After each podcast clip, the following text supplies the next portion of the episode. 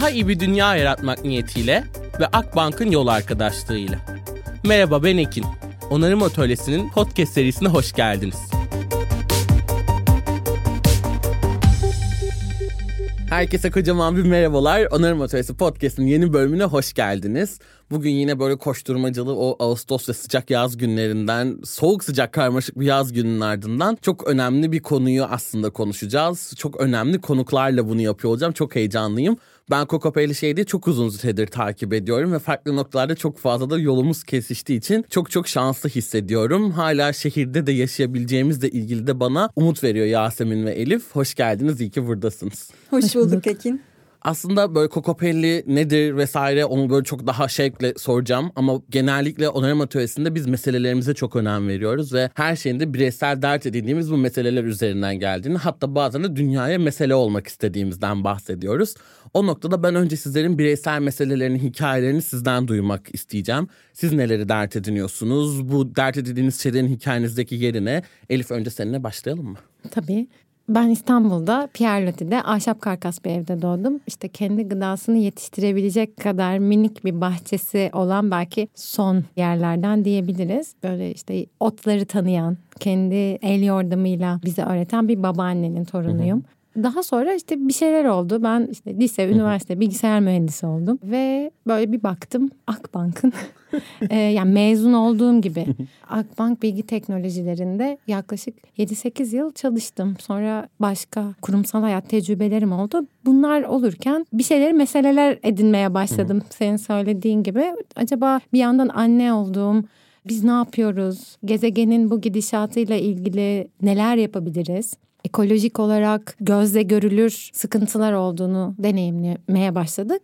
İşte ben ne yapabilirim derken bir yandan bu işin biraz akademik tarafını keşfedebilmek için işte Bilgi Üniversitesi'nde kültür incelemeler üzerine ekoloji dersleri alarak aslında oradan başlarken bir yandan da Kaz Dağları'nda off-grid, şebekeden bağımsız bir ev. Ama bu arada hala kurumsal hayatta çalışıyoruz yani. Bunlar böyle paralelde oluyor. İşte bunları deneyimlemeye başladık. Yasemin'le de çok uzundur arkadaşız. Şey gibi hani birbirimizden bağımsız ama tabii ki tesadüf değil ikimizin de bu konuya eğilmesi.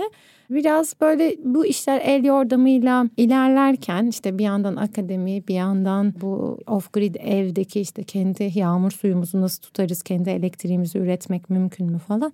Yasemin devreye girdi ve dedi ki Buradan ben Elif'in bakışlarından sözü devralıyorum. Yasemin ben ben de eski bir beyaz yakalıyım. Beş yıl kadar denetim ve danışmanlık alanında çalıştım. O alanda çalışanlar bilir bence iki katı bir mesaiyle yoğun bir çalışma hayatım oldu. Sonrasında da böyle bir tam bir tesadüfler aslında buluşması bugün belki de. Ben de eski bir Akbanklıyım. Sonra da strateji yönetiminde 5 yıl kadar çalıştım. Benim hikayem şöyle şekillendi.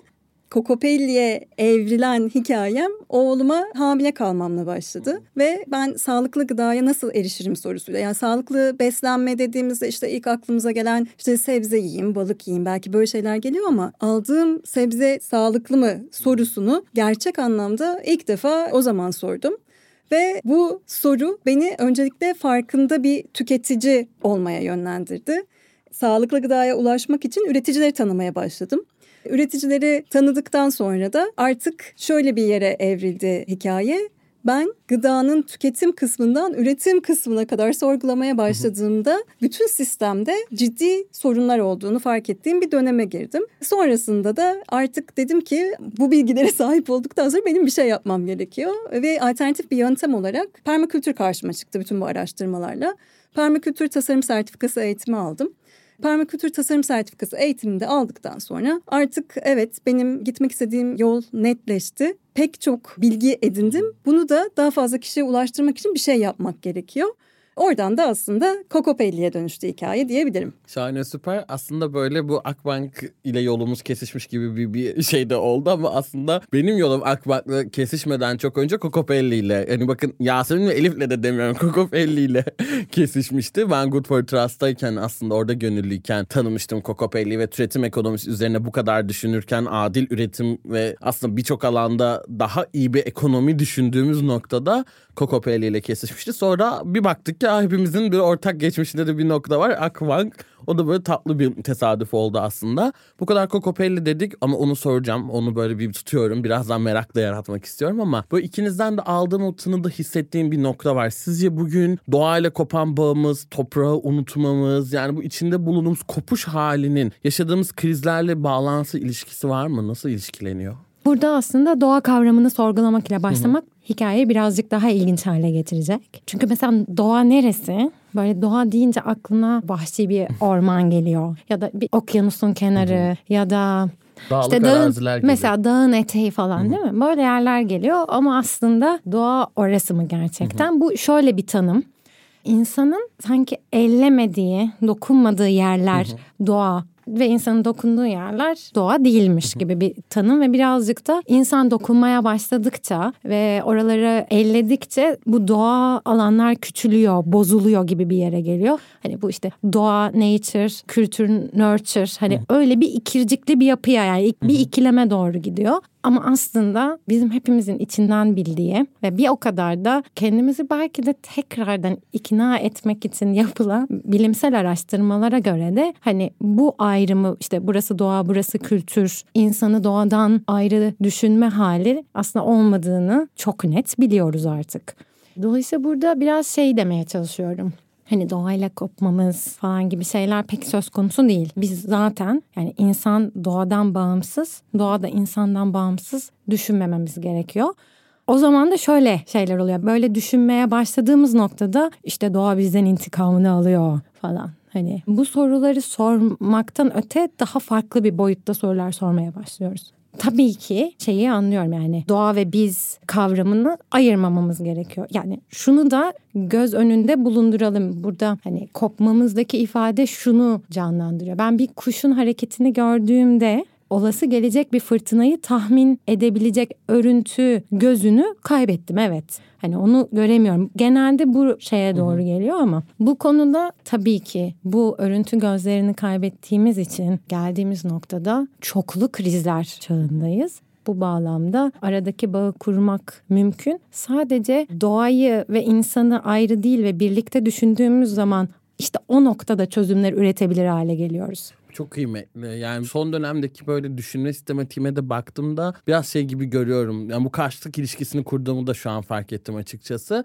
Çünkü bu etki odaklı çalışmalarda artık Şirince hepimiz için böyle yeni bir buluşma alanı olduğunda hani ben Şirince'ye gittiğimde böyle doğaya gidiyorum diyorum işte. Döndüğümde eve dönüyorum dediğim yerde şehre dönüyorum diyorum ve şehirle doğa arasında da çok keskin ve sınırlar çizdiğimi fark ettim. Bu sanırım erişememekle de ilgili ama aslında hani o kuş örneği, kedi örneği, dokunduğumuz ağaç yaprakları evet hepsi doğanın kesinlikle bir parçası. Ama burada böyle biraz daha şey gibi de hissediyorum. Yani bir refer'de vermek gerekirse S360 Fellowship programında böyle tasarlarken ve orada da ben hani iki dönemde katılımcısı da gibi bir noktadayım.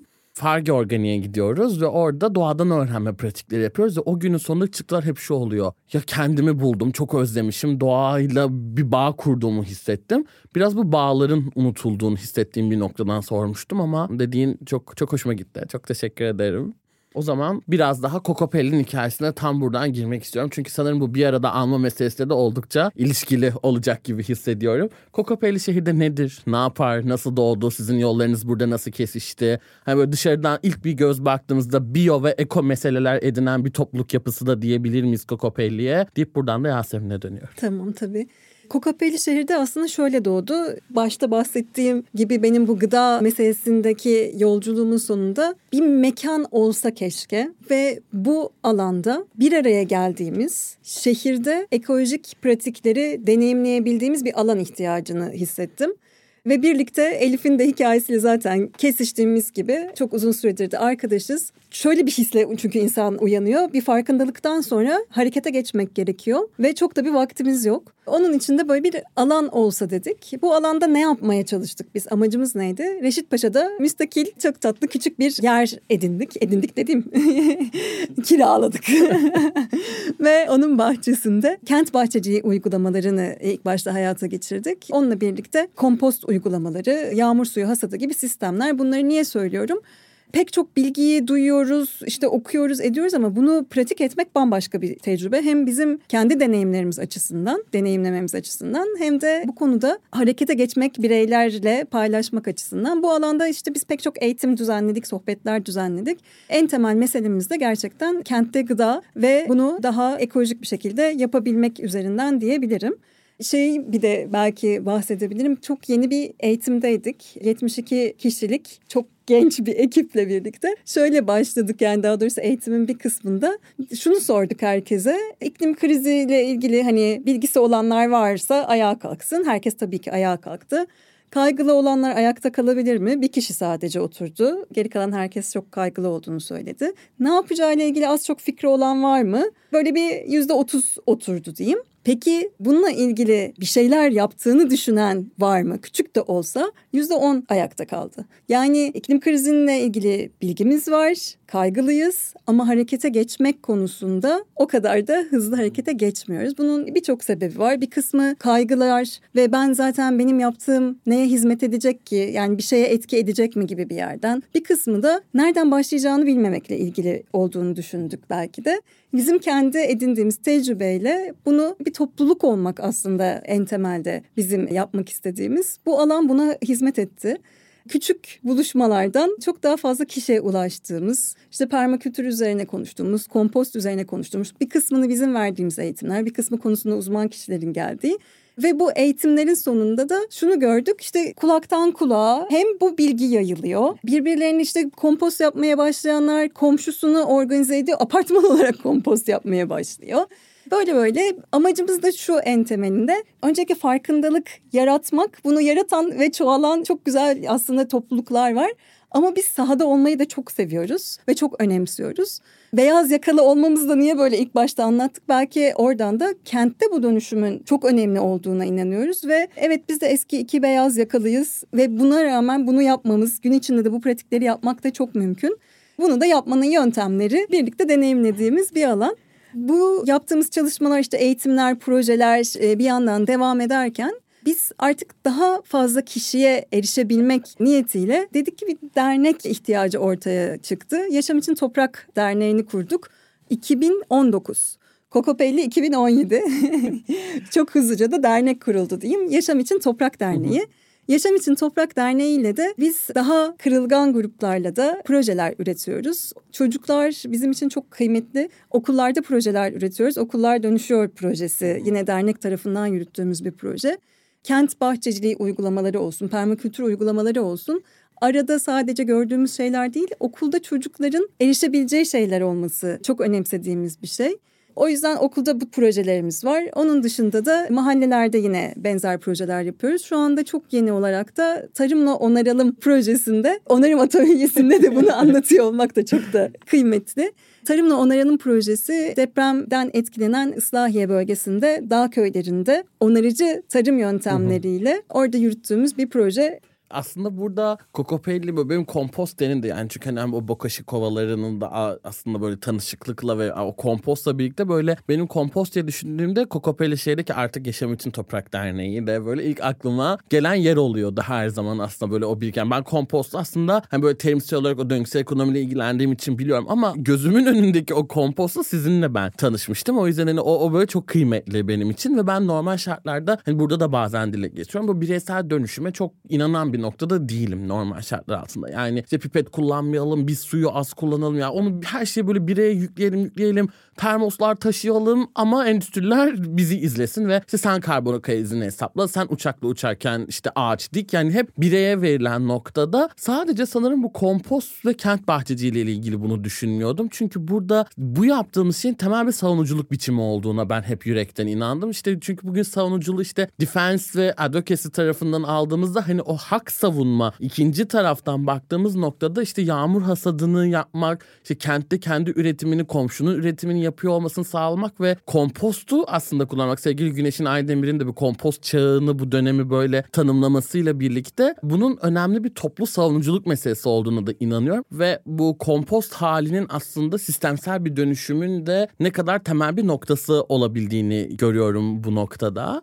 Tam olarak söylediğin gibi aslında Kokopelli şehirde bu hak savunuculuğu vesaire konularına baktığında pasif bir gündelik direniş alanı olarak ortaya çıktı zaten. Yani ben her gün yani çok kıymetli bu arada aktivizm ama bizim yaptığımız hikayede ben her gün yağmur suyumu hasat ederek her gün kompostumu besleyerek bir pasif direnişin içerisinde olup bunların aslında şehirde mümkün olduğunu göstermeye çalışıyorum. Bu arada şeye katılıyorum kesinlikle. Bu bireye yüklenmesi gereken bir görev kesinlikle değil. Ama bizim fark ettiğimiz şöyle bir şey oldu bu yolculukta. Yapılması gereken çok belli bir şey var. Yani birey olarak ben artık yani uzun süredir aslında doğrunun ne olduğunu biliyorum. Yani ben kendim işte bir fast food zincirine gidip bir hamburger aldığımda oradaki etin bir şekilde bir hayvancılık sistemini desteklediğini ve bu hayvancılık sisteminin de gezegene nasıl zarar verdiğini biliyorum. Ya da onun yerine işte Berin ablanın çiftliğinden havuç almanın ya da yine bu hayvancılık üzerinden bir konuşma olarak söylemiyorum. Üretim anlamında söylüyorum. Hı hı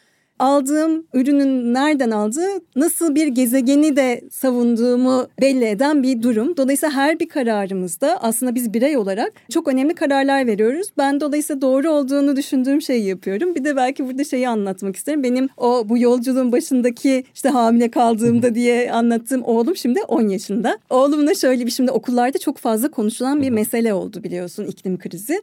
Oğlum böyle bir sabah geldi mutfağa dedi ki anne dedi böyle işte plastikle ilgili böyle teknolojiyi birleştiren bir çözüm sundu. Ben de işte eşim de yazılımcı benim. Ya Can dedim belki de istersen dedim büyüyünce sen de işte benim bu ekoloji üzerinde yaptığım çalışmalarla babanın bu işte teknoloji üzerine yaptığı çalışmaları birleştirdiğim bir şey üzerine çalışırsın dedim. Ve Can döndü dedi ki anne dedi problemleri siz çözseniz ben şef olmak istiyorum dedi. Ve ben bunu söylediği zaman bana şunu söyleyebildim. Cancım dedim ben gece gündüz bunun için çalışıyorum. Dolayısıyla Kokopelli belli doğruları, doğru belki çok iddialı bir kelime oldu. Doğru demeyeyim ama sürdürebilir pratikleri diyeyim. Daha doğru olacak herhalde gezegene ya da zarar vermeyen davranışları. Bunu artık bildikten sonra bunu hayatımıza nasıl entegre ederiz bunun üzerine çalışıyor. O anlamda bireysellik önemli. Belki şey de yani su kaynakları giderek azalıyor. Böyle sürekli hani açtığında gelen bir kaynak. Bir arkadaşım aslında bir eğitimde anlatmıştı. Hindistan'dan bir misafiri geliyor. Banyo yapmak için kova istiyor. Diyor ki yani bizde şey var su akıyor açınca. O da diyor ki hayır diyor bana bir kova ver. Çünkü her zaman aktığı benim onu kullanabileceğim anlamına gelmiyor.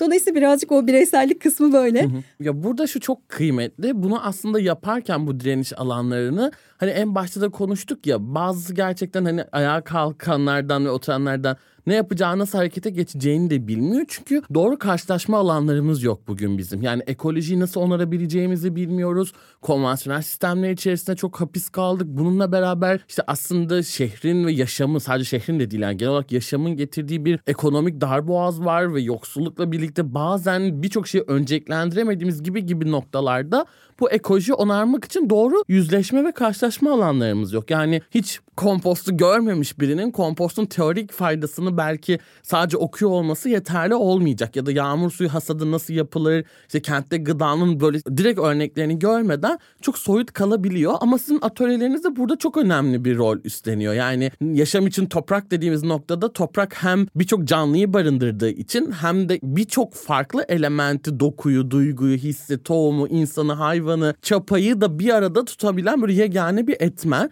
bir karşılaşma alanı aslında ve siz de atölyelerinizde bu alanları tasarlıyorsunuz. Bunlar nasıl hissettiriyor, neler çıktı oluyor, bu dönüşümün neresinde ben bu karşılaşma alanı olarak kendimce nitelendirdiğim atölyeleri sizden biraz daha duymak isterim ve galiba Elif'e dönüyorum.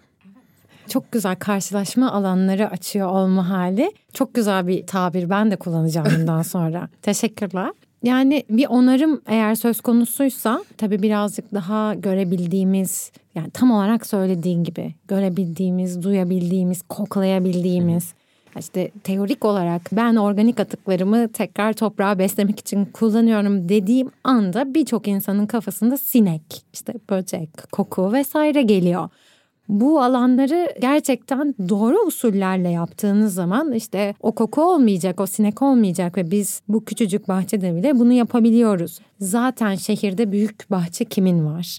Dolayısıyla birazcık daha duyularımızı daha az kullanmaya başladığımız bir dönem. Kapalı alanlarda, açık alanlardan daha fazla duruyoruz bu atölyeler sayesinde belki de dedin ya konuşmanın bir bölümünde Farge'ye gidiyoruz ve orada ağacı gördüm ama sonra aslında o karşılaşmaların belki farkında olmak yani her gün geçerken mahallendeki ağacın aslında işte mevsimsel döngüsüne tanık olabilmek ve bunun farkında olabilmek biraz buraları uyarmaya çalışıyoruz. Bunu nasıl yapıyoruz? İşte deneyerek. Yani muhakkak her atölye sadece sözlü bir anlatımla kalmıyor muhakkak bir deneyim içermesi konusunda çalışma yapıyoruz. Bu atölyeleri bireylerle de yapıyoruz. İşte kurumlarla da yapıyoruz. Çocuklarla da yapıyoruz. Kim ne isterse onunla yapıyoruz bu deneyimleme şeyiyle ilgili olarak da yani deneyimleme alanı illaki işte Kokopelli şehirdenin fiziksel mekanına gelmek zorunda değilsin işte. Belki tam olarak şu an Taksim Beyoğlu'nun göbeğindeyiz. Ben buradan çıktığım zaman yürürken nereleri görebilirim, neler yapabilirim?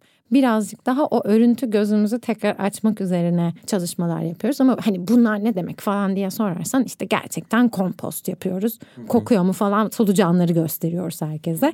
İşte turşuları doğru usulle hem bedenimize hem gezegene iyi gelecek şekilde nasıl yaparız? Bunları çalışıyoruz. İşte permakültür etik ilkeleri nelerdir ve bunların gerçekten şimdi etik ilkeler deyince biraz soyut kalıyor, hı hı. kavramsal kalıyor. Bu etik ilkeleri somut olarak bu mekanda sen nasıl uygulayabilirsin? Sen hayatında neler yapabilirsin üzerine çalışmalar yapıyoruz.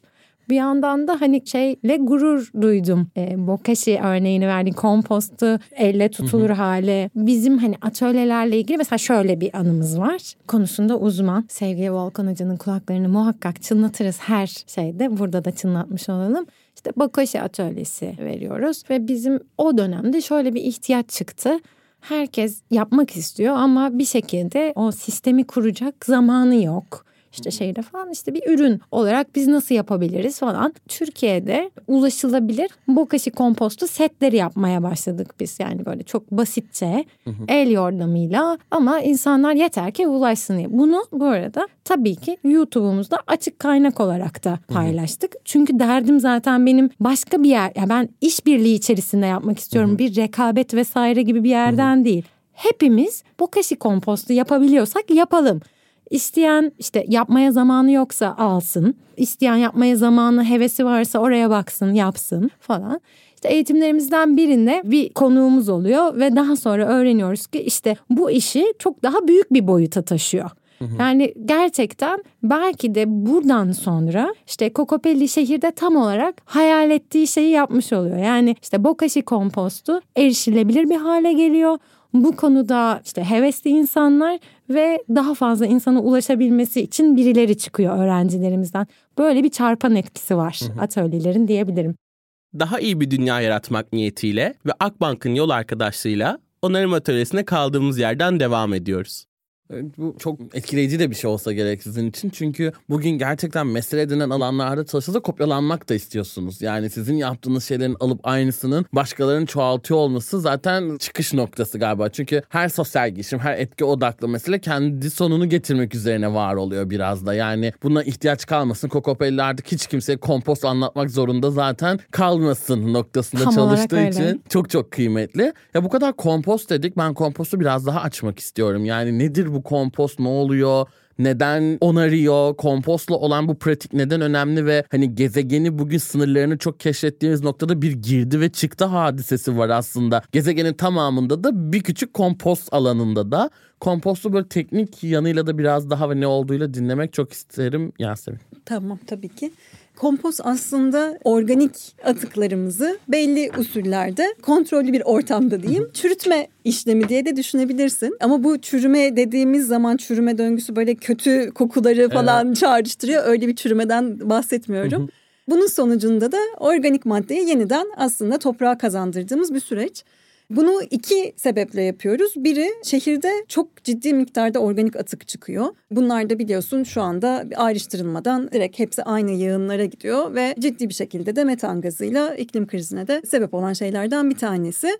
Bir atıkları bertaraf etmek için ama çok daha önemli bir kısmı bu organik maddeyi tekrar toprağa kazandırmak, toprağı iyileştirmek için. O yüzden böyle bir kompost ve gıda döngüsünü birbirinden ayrı düşünmemek gerekiyor. Peki neden ben direkt alıp evimin bahçesindeki toprağa atmıyorum da kompost yapıyorum? Bu çok genel bir soru. Ya her gün şimdi yemek yapıyorsun ve her gün bahçene inip bir kere muzunu işte şeyini atmak pratik değil yani. Hani her gün böyle bununla uğraşamazsın. Şu okey ama hani gittin ormana pikniğe bir şeye falan hani minik bir tane işte muz kabuğun var. Tabii ki onu hafifçe toprağın altına gömüp hani orada tekrar Yasemin hocamın söylediği bu çürüme döngüsüne onu terk edebilirsin. Ama her gün bunu yapamazsın. İkincisi belli bir yerde onları biriktireyim de ondan sonra gömeyim dediğinde pürifikasyon dediğimiz istemediğimiz bir çürüme söz konusu olur. Senin mutfağında olmaması gereken bazı kötü mikroorganizmalar seni hasta edecek mikroorganizmalar gelir. O yüzden istemeyiz. Bunun öyle bir yöntemi olmalı ki pratik bir şekilde sağlıklı ve daha sonra toprağı besleyebilecek hale getirebilelim. Yani birçok yöntemi var. İşte hani mutfak ölçeğinde bence bokashi kompostunu konuşmak işte çöpleri turşuluyoruz orada. Turşulama sürecinde işte sirke gibi bir koku oluyor. Ama işte sadece o turşu kavanozunu açınca kokuyor gibi düşün. Öyle bir kompost setini doğru yaptığın zaman işte akmayan, kokmayan ama işte açtığında sirkeye doğru dönen işte çöpleri turşulamış oluyorsun. Belli bir süre sonra da işte o tam turşulama süreci bitince toprakla buluşturuyorsun ki kompostlaşma süreci tamamlansın. Burada ben hani bokashi özelinde ne yapıyorum? İşte dışarıdan e, iyi çocukları sisteme dahil ederek sürecin turşulandığını, laktofermente yani turşulayarak aslında çürümenin gerçekleştiğini emin olmaya çalışıyorum. Kötü bir çürüme olursa zaten yine sistemi hı hı. bertaraf etmem lazım. Şimdi ne oluyor? İşte sen belli bir süre evde yaptığın yemek oranında yani bir yemekhane ise belki bir günde doluyor. İşte kovan küçükse tek başına yaşıyorsan daha uzun vesaire. Ama bunları rahatlıkla biriktirebiliyorsun bir yerde ve turşulama tamamlanınca toprakla buluşturduk. Bu sefer ben iyi çocukları da sisteme kattığım için kompostlaşma sürecinin başarıyla tamamlanacağından emin oluyorum. Toprakta doğru mikroorganizmaları etrafıma çekiyorum gibi düşünebilirsin. Mesela bunları sürekli toprağa gömersen eğer böyle bir usul yapmadan istemediğin bir çürüme de olabilir. Ama tabii ki toprak bunu dengeler ve daha uzun vadede bu çözülür. Sadece biz neden daha doğrusu varken ve işte toprağı beslemek varken diğerini yapalım. Hani öyle bir şey. Çok önemli bir nokta. İşte bugün döngüsel ekonomiyi sürekli konuştuğumuz noktada bugün dünyanın varlıklarını alıyoruz. Kaynak demekten hoşlanmıyorum ben dünyaya. Evet dünyanın varlıklarını alıyoruz ona bir şey yapıyoruz bir şey bir ürün bir bir şey ve bunu yaparken yine dünyaya zarar veriyoruz Sonra bunu kullanıyoruz ve atıyoruz ve dünyaya geri bir yük olarak veriyoruz. Ve bugün artık zarar vermeme politikalarının yeterli olmadığını görüyoruz. Yani verdiğin zarardan azaltmak veya zarar vermemek değil sıfırın üstüne çıkıp onarman gerektiği bir hamlede de kompost burada çok kritik bir rolde oynuyor aslında. Atık olarak oluşan bir ürünü alıp dünyaya onaracak bir yeni girdi haline getiriyor. Ve sistemdeki bir çöpü aslında atık olmaktan kurtarıp bir de üstüne zarar vermemeyi kenara bırakıp toprağı onaracak artı bir şey haline geliyor diyebilir miyiz? Doğru usullerle yapıldığında kesinlikle öyle. Bu tabii ki şehir ölçeğinde bir Hı-hı. atıklarımızı bu şekilde kompost yapma işi var. Ama daha büyük ölçekte tarım alanlarında kompost çok çok daha kıymetli. Şu anda mevcut konvansiyonel tarım pratiklerinde toprağa sürekli sürdüğümüz, organik maddeyle kompostla beslemediğimiz ve iklim krizinin yüzde otuz kadar sebebi aslında şu anda gıda sistemi bundan sorumlu. Ve bunun en temel şeyi aslında bizim toprağa sürmemizde ve organik maddeyi tekrar içine gömmememizde e, açığa çıkan karbon kaynaklı diyebiliriz. Kompost burada çok önemli. Keşke şöyle bir şey olsa ki bu yaşadığımız kocaman şehirlerden çıkan atıklar yeniden kırsalda ve şehir çeperinde ve hatta keşke mümkünse şehirdeki kent bahçelerinde yeniden toprağı beslese ve toprağı onarsa. Tarım hem iklim krizinin sebebi hem mağduru hem de çözümü aslında. Mağduru çünkü şu anda hepimiz görüyoruz ki biz bu arada şeyi belki söylemedik. Şu anda da Gebze tarafına taşındık ve daha hı hı. büyükçe 10 dönüm bir arazi içerisinde bu bütün bu permakültür uygulamalarını devam ettiriyoruz. Ve iklim kaydı yani en basitinden biz Mayıs'ta fidelerimizi yerine aldık. Ve iklim koşulları değiştiği için hasatlar beklediğimiz şekilde gelişmiyor ki üreticiyi bu çok daha fazla etkiliyor.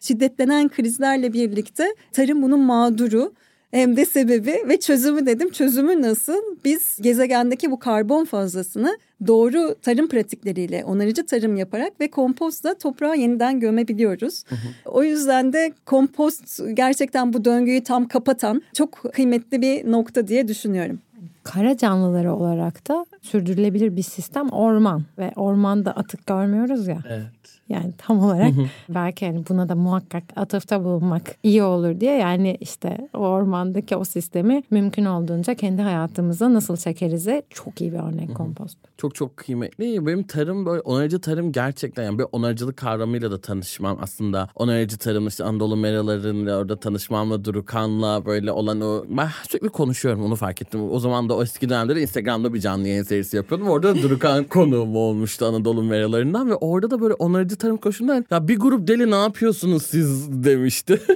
Çok iyi gerçekten. Biz, ben öyle düşünüyorum yani bir sürü deliyiz. O beni çok etkilemişti ve orada hani şey demiştim böyle. Ben ona şey diye soracaktım böyle aklıma tarım bir devrim mi bir lanet mi diye. Ve sonra o konuştukça şey fark ya ikisi de ama aynı zamanda 21. yüzyılın kurtarıcısı olmaya da soyunmuş bir şey bugün tarım doğru yapıldığında. Hayvancılık bile ne kadar doğru yapılırsa aslında etik kısmını bir kenara tamamen ayırdığında çevresel etkenleri üzerinden hayvancılığın bile bu kadar çevresel bir vahşet yaratamayacağını böyle gördüğüm noktada çok çok etkilenmiştim ve tam olarak bireyle ilgili düşüncem de burada aslında sonuçlandı. Yani bir insanı dediğim gibi etik olanı kenara bıraktığımda sen hayvan eti tüketiyorsun ve çevreye zarar veriyorsun noktasından önce sen o hayvancılık endüstrisinde onu doğru yetiştirmediğin için aslında zarar veriyorsun noktasına böyle gelmiştim. O yüzden onarıcı tarım çok çok kıymetli. Yani bu atık dediğimiz kavramı alıp onarıcı bir etmen haline getirecek bir büyü var ortada. Ve bugün aslında onarıcı tarımla ilgili eminim böyle söyleyecek çok şeyimiz çok o çok ayrı bir konu ve teknik tarafı olan bir şey ama biz ne yapabiliriz? Yani bugün artması için belki tüketici olarak tercih etme noktasında toprak bugün bize ne söylüyor ve biz buna nasıl cevap verebiliriz? artması için öncelikle tüketici olarak biz üzerimize düşen sorumluluğu almakla başlayabiliriz. Geçen gün şöyle bir hesap yaptık. E, yine aynı eğitimden bir referans vereceğim ama 25 yaşında iş hayatına yeni başlayan bir toplulukla beraberdik. Ortalama Türkiye'de insan ömrüne baktığımızda 80 yaş gibi bir yerden işte 25 yaş ortalama ekibin yaşını alıp bir hesap yaptık. 60 bin 225 öğünleri var. Günde 3 öğün yemek yediğimizi düşündüğümüzde bunu o grup için hesapladığımızda 4 milyon 275 bin kabaca öğünden bahsediyoruz. Yani bu kadar öğünden hepsi olmuyorsa bile ben birçoğunda nasıl bir gıda yemek istediğimle ilgili yaptığım tercihler aslında geri dönüp baktığımızda gıdanın üretim sürecini etkiliyor ve şunu hepimiz biliyoruz ki bize iyi gelen besin toprağa da iyi geliyor. Tarım zehirleri toprağı kirletiyor, suyu kirletiyor, havayı kirletiyor. Zaten bunları hepsini biliyoruz. Bu benim bedenime de iyi değil. Dolayısıyla ben zehirsiz üretim yapan üreticiden bir şey almayı tercih ettiğim zaman o üreticiyi desteklemiş oluyorum. Onun dışında işte hayvancılık senin dediğin gibi başka türlü hayvancılık yapmak, toprağı onaran sistemler mümkün. Bu bizim tercihlerimizle de şekillenecek ama tabii ki de sadece bireyin yapacağı bir şey değil ama artık yani şöyle düşün. Eskiden işte vegan ürünler çok daha az bulunurken şimdi bir bakıyoruz evet. süpermarketlere giriyoruz çeşit çeşit çeşit vegan şeyler var gittikçe artıyor. O yüzden bu kadar da bence gücümüzü küçümsememek gerekiyor. Hatta inanmak ve bununla birleşmek ve topluluk olarak bu talepte bulunmamız gerekiyor. Hem kendi bedenimiz için ve bunun arkasında ciddi de bir sağlık sektöründe yani kanser vakalarının bu kadar artıyor olması hiç tesadüf değil. Dolayısıyla bizim bu anlamda birlikte adım atıyor olmamız onarıcı tarım yapan üreticileri de desteklememiz gerekiyor. Peki bugün yani aslında cevabı aldım sizlerden ama yine de böyle dinleyiciler için de emin olmak adına böyle sormak istiyorum. Yani hani topluluk temelli yaklaşımlar gördüğüm kadarıyla burada çok çok önemli. Yani özellikle gıda topluluklarımızı oluşturmak. Hatta böyle şey örneğini konuşmuştuk bir bölümde burada da. Yani işte bir binayı ele alalım. Onlar kendi aralarında her biri bir aldıkları ürünü adil bir yerden alma işini üstlenip bütün binaya bölüştürdüklerinde işte 20 daireli bir apartmanda 20 ürünü yerine ne kadar doğru muadilini koyabileceğimiz işte birinin gidip kendi köyünden peynir getirdiği birinin kendi köyünden aslında doğru üretilmiş işte kuru fasulyesini getirdiği bir, bir sistem ya da işte adil üretici topluluklarından oluşan kafelerin varlığı. Yani bu işin bir topluluk meselesi yanı var mı? Bir bunu sormak ve beraberinde de ya kırsala yerleşmek zorunda mıyız? Kırsala yerleşmek zorunda değiliz. yani Kokopelli şehirde şehirde olma vurgusu gerçekten çok önemli. Şehirler tüketimin merkezi ve atık üreten, üretimin tamamen dışarıda bırakıldığı koskocaman alanlar ve burada bir dönüşüm çok daha aslında etkisi de çok daha büyük olacak ve zaten şu anda kent ve kırsalı ayırmak çok da mümkün değil. En temel olarak bizim beslenmek için tamamen şehirler dışarıya bağımlı. Dolayısıyla bu gıda ilişkisi üzerinden de burada yapacağımız her adımdaki dönüşüm çok daha etkili olacaktır. Bunun için bir yerlere gitmek illa da gerekmiyor. Ve burada dediğin gibi gıda toplulukları çok önemli. Bununla birlikte topluluk bahçelerinin de çok Hı. önemine inanıyorum gıdanın ve bu bahçelerin kentten uzaklaştırılmasıyla birlikte bu 1930'lardan beri işte süre gelen süreçle birlikte tüketici yemek yiyen kişiyle gıda arasındaki bağ koptu. Çünkü görmüyoruz nasıl yetiştiğini işte marketten aldığımız bir şey gibi geliyor. O yüzden kent bahçeciliği hem gıda güvencesi anlamında hem bir masada birleşmek ve aynı zamanda bir bahçede birleşmek de çok kıymetli. O yüzden topluluk olarak bunları deneyimlemek oldukça önemli.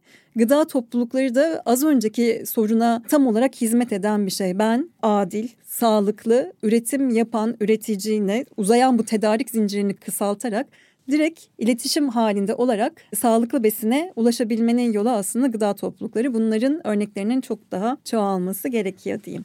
Şahane çok çok teşekkür ederim. Yani aslında bugün çözüm noktalarının her zaman gitmek o. Gitmek de bir tercih bu arada. Bunu da anlayabiliyorum. Yani şehri bırakıyor olmak ya da şehre yani şey diyen konuklarım da oldu burada. Çünkü şehir için şehri terk ettim ben diyen konuklarım da oldu. Buradaki tercihler mesele değil ama şeyi de bazen kendimize yapıyoruz. E, şehri bırakamadığım için şehire uymak zorundayım ama hayır buradaki o dönüşüm mekanizmalarını da görmek çok kıymetli.